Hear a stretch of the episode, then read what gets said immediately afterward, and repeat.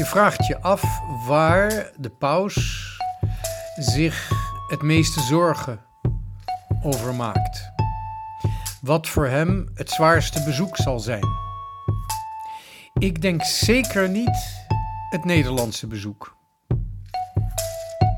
In deze podcast gaat Pater Elias op zoek naar wat echt is.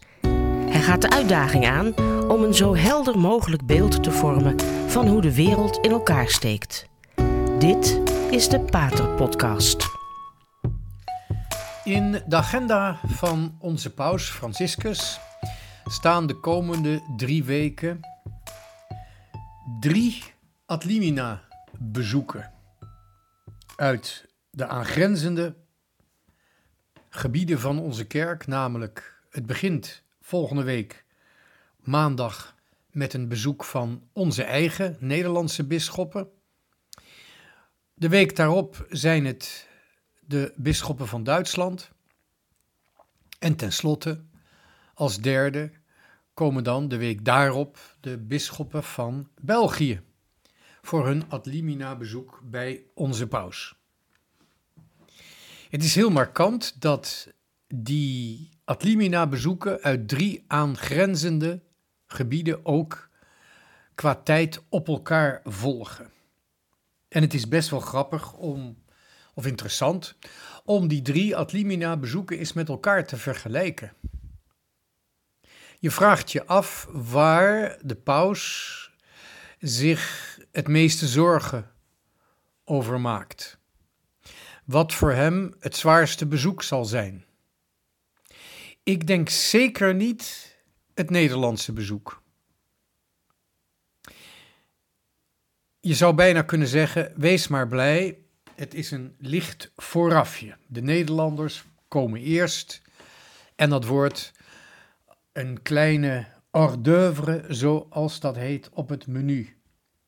Want ik denk dat de Nederlandse bisschoppen, de paus, weinig hoofdbrekens zullen bezorgen. De Nederlandse provincie is rustig, redelijk rustig. Ik denk bovendien, we kunnen ons best wel gelukkig prijzen. Als dat niet zo was, zou ik het niet zeggen. We kunnen ons gelukkig prijzen dat de bisschoppen in Nederland er nog echt wel in geloven. Ze zoeken misschien niet te veel de publiciteit. Het zijn geen maatjes met de massamedia, maar over het algemeen kun je zien uit wat de bisschoppen doen en wat ze zeggen en wat ze schrijven, dat ze nog echt wel het katholieke geloof hebben en er alles voor doen om de kerk in Nederland naar rustiger vaarwater te leiden. Ik denk dat we het helemaal niet zo slecht getroffen hebben met de bisschoppen in Nederland. We kunnen natuurlijk altijd kanttekeningen plaatsen of zelfs kritiek hebben op wat ze doen, maar ze geloven er nog in. En dat schept een band. Eigenlijk is dat ook de enige band die je met bisschoppen en überhaupt andere gelovigen kunt hebben, namelijk dat je er nog in gelooft. Als je er niet meer in gelooft, dan wordt het al snel een gezelligheidsclubje, waarin je eigenlijk nauwelijks meer weet waarvoor je er zit en waarvoor buitenstaanders uiteindelijk zich afvragen waarom je erbij zou willen horen. De eenheid van de kerk is niet door de gezelligheid, niet door de sociale bewogenheid, maar de eenheid voor het geloof wordt aangegeven door een richting. Niet eens een gouden midden of een wonderlijke formule of het formeel aanhangen van éénzelfde geloof. Nee, het is meer dan dat. Het gaat om één geloof, maar het gaat ook om één richting, ook al zijn er vele manieren om in die ene richting te gaan. We leven allemaal toe naar de verrijzenis van Christus en dat doen we vanuit de zeven sacramenten. En als je die principes eenmaal aanneemt, dan gaan er een heleboel mogelijkheden voor je open. Dan zijn er een heleboel wegen die allemaal in dezelfde richting leiden. En dan zijn bisschoppen in feite niet de mensen die wonderen zullen verrichten en die ook niet ons zullen garanderen dat alles makkelijk zal gaan. Bisschoppen zijn vooral faciliterende autoriteiten. Ze moeten het de gelovigen mogelijk maken om een richting te kiezen naar Christus toe. Ze geven als het ware, daarom zijn het vaders, de bisschoppen, ze geven faciliterende middelen, die garanderen ze ook, zodat wij die kunnen gebruiken om Christus beter te leren kennen en om Christus beter te kunnen volgen. Je moet van bisschoppen geen wonderen verwachten. Je hoeft geen spectaculaire, charismatische persoonlijkheden te verwachten. Een bisschop die doet waar die bisschop voor is. Je ziet vanzelf dat eh, rondom zo'n bisschop de hele flora en de fauna van de katholieke kerk tot leven komt. Er kunnen charismatische bisschoppen zijn, er kunnen hele rustige bisschoppen zijn. Het maakt allemaal niet zo uit, net als een parochiepriester. Als een parochiepriester of een bisschop doet waar die voor aangenomen is, waarvoor die aangesteld is, dan doet de Heilige Geest vanzelf. In feite is de hiërarchische structuur is faciliterend. Moet aangeven en onderscheiden wat het geloof is en moet mogelijkheden aanbieden en ook verzorgen om vanuit dat ene geloof een weg te kiezen. Zijn weg te kiezen, ieder van ons een persoonlijke weg te kiezen. Ik denk dat dat in Nederland, ondanks de moeilijke omstandigheden, redelijk op zijn plaats zit. Er zijn natuurlijk verschillen tussen bisschoppen, net zoals er verschillen zijn tussen bisdommen en bepaalde culturele ja, omstandigheden per bisdom. Vanwege de geschiedenis, vanwege het volkskarakter. Allemaal omstandigheden die bepalen wat er gaande is in een bisdom, in een streek, in een domein dat aan een bisschop gegeven is om het geloof te onderbouwen en te faciliteren. Het is misschien een beetje een lang en saai verhaal, maar het is wel even nodig, want na het voorgerechtje van de Nederlandse bisschoppen krijgt de paus te maken met de Duitse bisschoppen en daarna met de Belgische bisschoppen.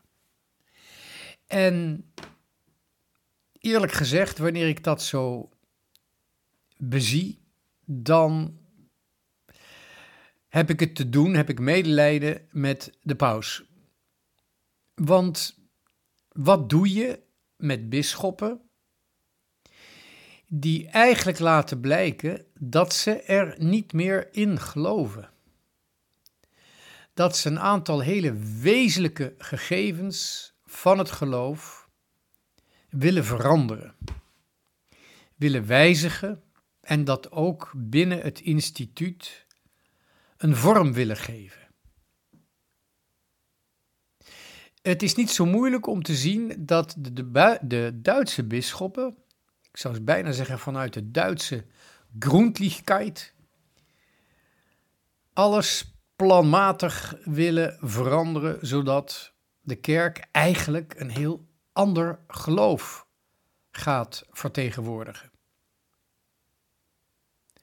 Uit alles wat in Duitsland op het ogenblik gebeurt, lijkt het erop dat zij ten eerste een helemaal nieuwe kerk willen bouwen. En bovendien dat zij dus ook de paus niet meer eigenlijk als pauselijke autoriteit willen erkennen. Ik weet niet precies hoe, maar je hebt het gevoel dat de paus voor de Duitse bisschoppen, voor de Duitse institutionele kerk, dat de paus voor hun niet meer is als een soort van koningin Elisabeth. Veel pracht, veel praal. En koningin Elisabeth kan ook absoluut geen plichtsverzuim worden verweten. Maar wanneer je erover nadenkt, waar gaat het nou eigenlijk over? Dan zie je dat het achter de façade helemaal leeg is. Het is een ceremoniële koningin die vanuit haar persoonlijke geloof toch nog een goede inbreng had. Maar met haar dood is dat eigenlijk ook wel voorbij. Koningin, koningin Elisabeth is wel eens vergeleken met de God, de godheid die Aristoteles beschrijft. Heel hoog, heel verheven, welbestaand, maar je weet eigenlijk niet wat hij wil. En hij heeft weinig met de wereld te maken. Zo lijkt het. Dat is wat koningin Elisabeth was. En eigenlijk ook wat de paus zou moeten zijn voor de Duitse bisschoppen. Een ceremoniële figuur die glimlacht en bevestigt wat de Duitse bisschoppen van de kerk willen maken. En het gaat niet zomaar om een tolerantie of uh, een tolerantie voor nieuwe dingen of een barmhartigheid tegenover mensen die niet helemaal de regels van de kerk kunnen volgen. Nee, het gaat hier in de Duitse bisschoppen, bisschoppelijke, ja, de meeste, je zijn natuurlijk niet allemaal. Maar in het hele gebeuren rond de synodale weg, ja, het woord is eruit, de synodale weg van Duitsland. Het hele gebeuren draait erom om toch een aantal zeer principiële zaken in de kerk volledig te veranderen. Bijvoorbeeld de natuurwet. De natuurwet is iets dat moeilijk wordt begrepen in onze tijd, omdat de natuurwet voor ons eigenlijk iets is dat je uit een reageerbuis haalt. Voor ons is natuurkunde eigenlijk een theoretische onderbouwing van de techniek.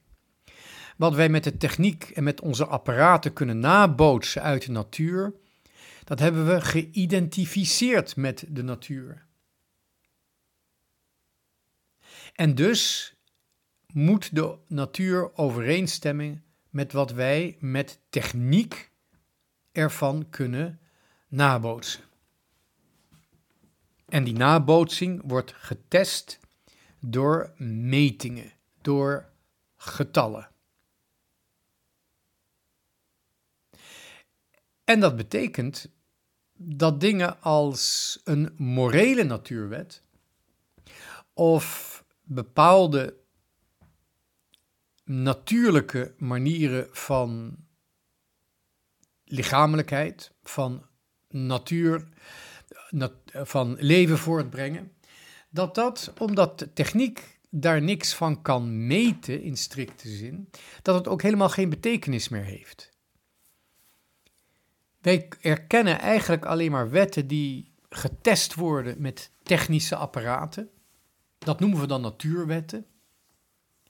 En we kennen, erkennen natuurlijk ook wetten die op democratische manier bepaald zijn. Met andere woorden, we laten wetten in onze visie van vandaag, in onze moderne wereld, laten we bepalen door apparaten en door een parlement.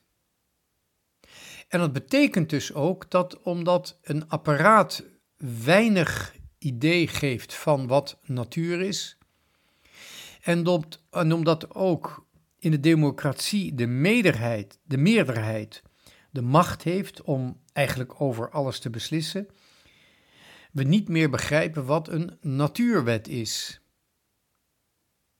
Want een natuurwet is eigenlijk niets anders dan wat de reden kan afleiden van natuurlijke principes.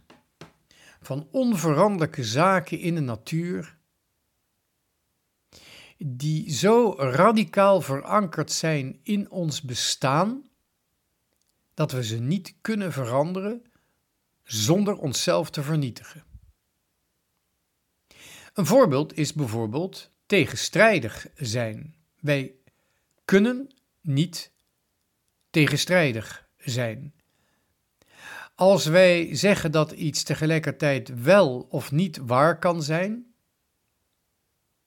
A is B en A is geen B tegelijkertijd, dan spreken we onszelf tegen. Dan vernietigen we eigenlijk de hele capaciteit van onze geest om waarheid te spreken. Dat zijn nou eenmaal bepaalde principes die we met ons verstand misschien niet kunnen bewijzen, maar die wel waar moeten zijn. Dat zijn principes. En wanneer je die principes begrijpt, dan kun je daarvan wetten afleiden. Maar die wetten staan niet op zich. Die wetten zijn afhankelijk van principes. Misschien een beetje theoretisch om dat zo uit te leggen, maar het heeft ermee te maken dat we eh, vaak verstand met reden verwarren. De reden kan dingen afleiden van principes, maar het verstand begrijpt, oftewel zegt, raakt principes. Het verstand kan inzien dat bepaalde dingen niet bewezen kunnen worden of hoeven te worden, maar dat ze niet onwaar kunnen zijn.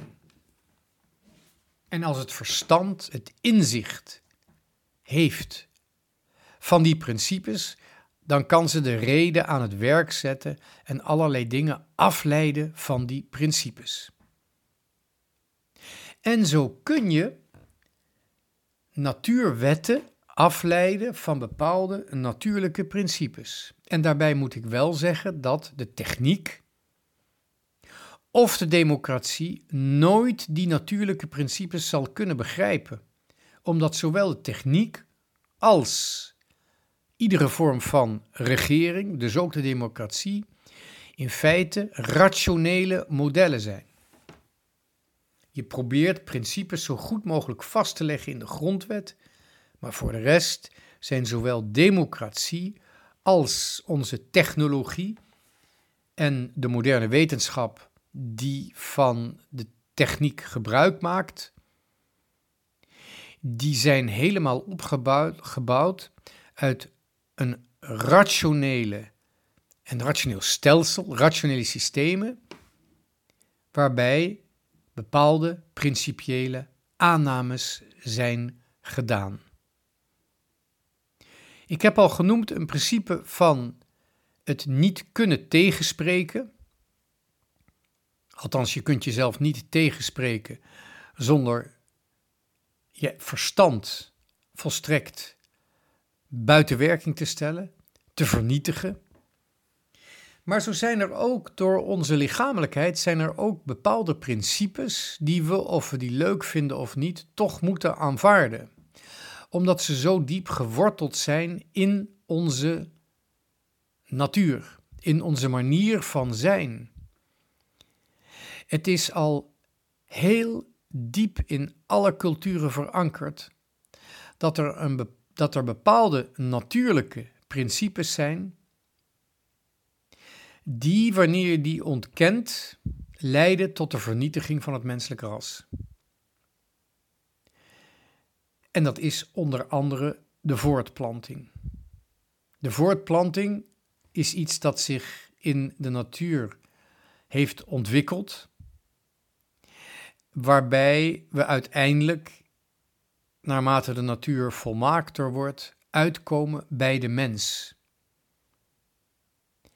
bij wie het verschil tussen man en vrouw ook een volkomen nieuwe dimensie heeft genomen, heeft aangenomen. Het verschil tussen man en vrouw is bij de mens heel anders, heel bijzonder als je het vergelijkt met de verschillen tussen het mannelijke en het vrouwelijke in de dierlijke voortplanting. Waarbij overigens, hoe primitiever de voortplanting wordt, het verschil tussen man en vrouw ook steeds vager wordt en uiteindelijk verdwijnt. Wat dat betreft is het verdwijnen van het verschil tussen man en vrouw in onze moderne ideologieën is niet progressief, het is regressief. Het is niet nieuw, het brengt in feite de menselijke voortplanting terug naar een primitief stadium van pak een beet 2 miljard jaar geleden. Ik weet niet precies hoe oud het nou is, maar toen het leven begon was, het, was de voortplanting niet geslachtelijk. Hoe dan ook, met alle respect voor de zwakheid van de mens, waarmee alle culturen hebben rekening gehouden, op een rationele en ook tolerante manier. In alle culturen zie je dat op welke manier het ook wordt uitgedrukt, het principe van de menselijke voortplanting, het doorgeven van het leven, wordt aangenomen als iets dat mannelijk en vrouwelijk is, samenkomt en samen vrucht draagt. Nogmaals, in alle culturen heeft begrip bestaan voor het feit dat het niet allemaal zo makkelijk is. Er is altijd een tolerantie geweest voor afwijkend, onnatuurlijk seksueel gedrag.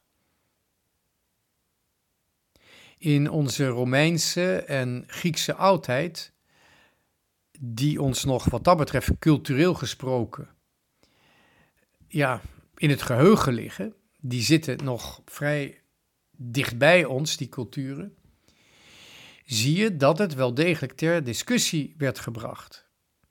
En dat de meest gangbare vorm van homoseksualiteit de pederastie was, namelijk de seksualiteit, seksuele relaties tussen volwassen mannen en onvolwassen mannen, die vaak tot misbruik leiden. Daar waren hele discussies over bij de Grieken, bij de Romeinen. En juist vanwege het misbruik dat de pederastie met zich voort, met zich meebracht, is het binnen het christendom verboden. Onder andere de Ierse kerk heeft daar een hoofdrol in gespeeld, omdat dit bij de Kelten veel voorkwam. Het hoort bij het christendom om die natuurlijke principes van het doorgeven van het leven te aanvaarden. Dat komt uit de oudheid, zowel van de Joodse traditie als van de niet-christelijke en niet-Joodse tradities. En wanneer binnen kerkelijke kringen dan ook ineens andere dingen worden bedacht. Bijvoorbeeld het, bijvoorbeeld het zegenen van homorelaties. Dan weet je één ding zeker, voordat je een discussie begint over het goede of het slechte daarvan. Eén ding is zeker, het spreekt de volledige christelijke en joodse traditie tegen. En het is dan ook een volstrekt raadsel waarom de bisschoppen die deze synodale weg in Duitsland begeleiden, niet ook tegelijkertijd zeggen dat ze een andere religie aan het stichten zijn. Het komt eigenlijk buitengewoon onnozel over wanneer bisschoppen volhouden dat ze katholiek zijn en toch een zegening willen uitspreken over homoseksuele relaties. Van mij mogen ze, maar laten ze dan gewoon laten zien dat ze volwassen zijn en ook nog snugger en gewoon openlijk zeggen: jongens, het is mooi geweest, we beginnen een andere religie. Waarom ze dat niet doen, is voor mij een volstrekt raadsel. En deze bisschoppen, die in feite de paus belachelijk maken, deze bisschoppen moeten nu door de paus worden ontvangen. Wat zal de paus hun te vertellen hebben? De paus moet ook voor hun een vader zijn, die aangeeft wat het beste is, maar wel die ervan uit moet gaan dat ze katholiek willen zijn en dat ze van de paus duidelijkheid zoeken. Dat ze van hem duidelijkheid verwachten, want daar is een paus voor. Ik hoop dat de Nederlandse bisschoppen tijdens hun bezoek de paus een goed humeur zullen geven en hem zullen steunen in zijn taak. Want de twee weken die daarop zullen volgen, zullen niet makkelijk zijn voor de paus.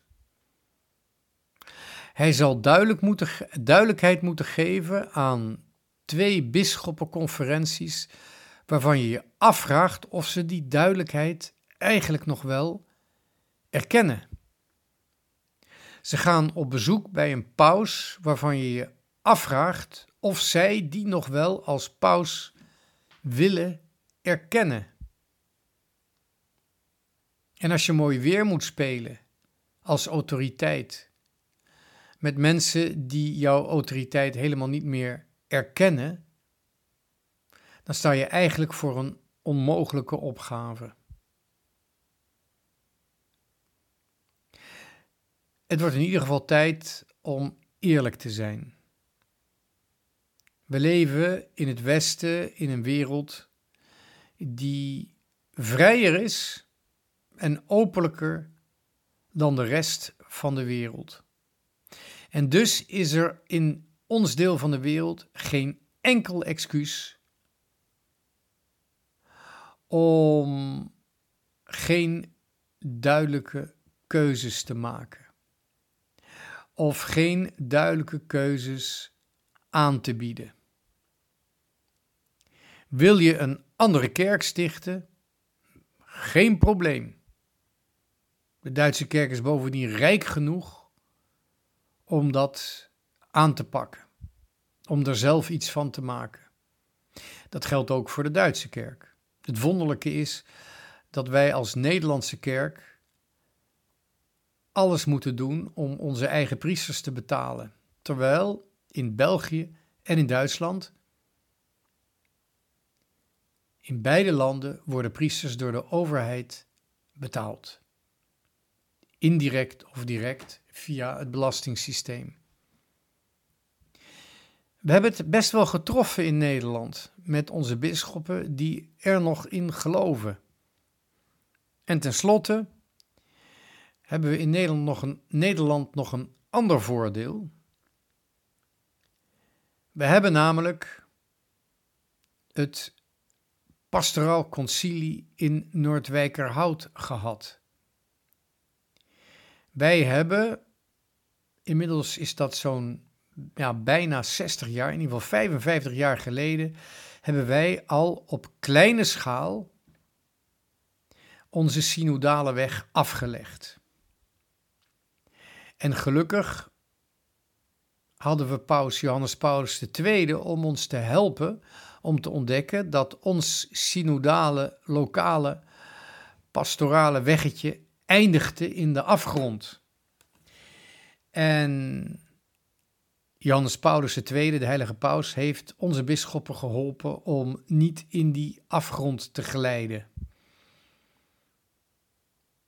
We hebben geluk gehad.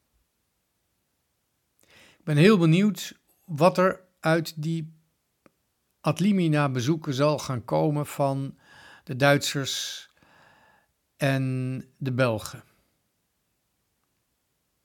En laten we in ieder geval eindigen met de wens, althans dat hoop ik, dat u ook voor deze paus zal bidden, dat hij een duidelijkheid zal geven of in ieder geval een duidelijkheid zal eisen van de bisschoppen van Duitsland en België, bisschoppen van een vrij land.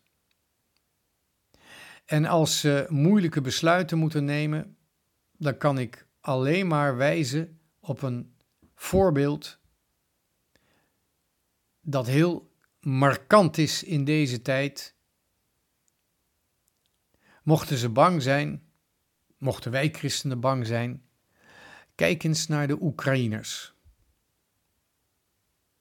Die hebben ervaring met een totalitair regime.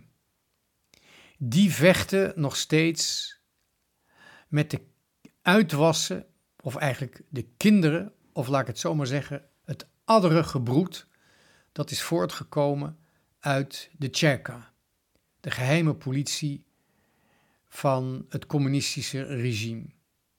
De communistische partij is verdwenen, de geheime dienst bestaat nog steeds. Die strijd is keihard, daar heb je een ontzettende hoop lef voor nodig. Laten we vooral respect hebben voor de moed van de Oekraïners en er een voorbeeld aan nemen. Bedankt voor het luisteren.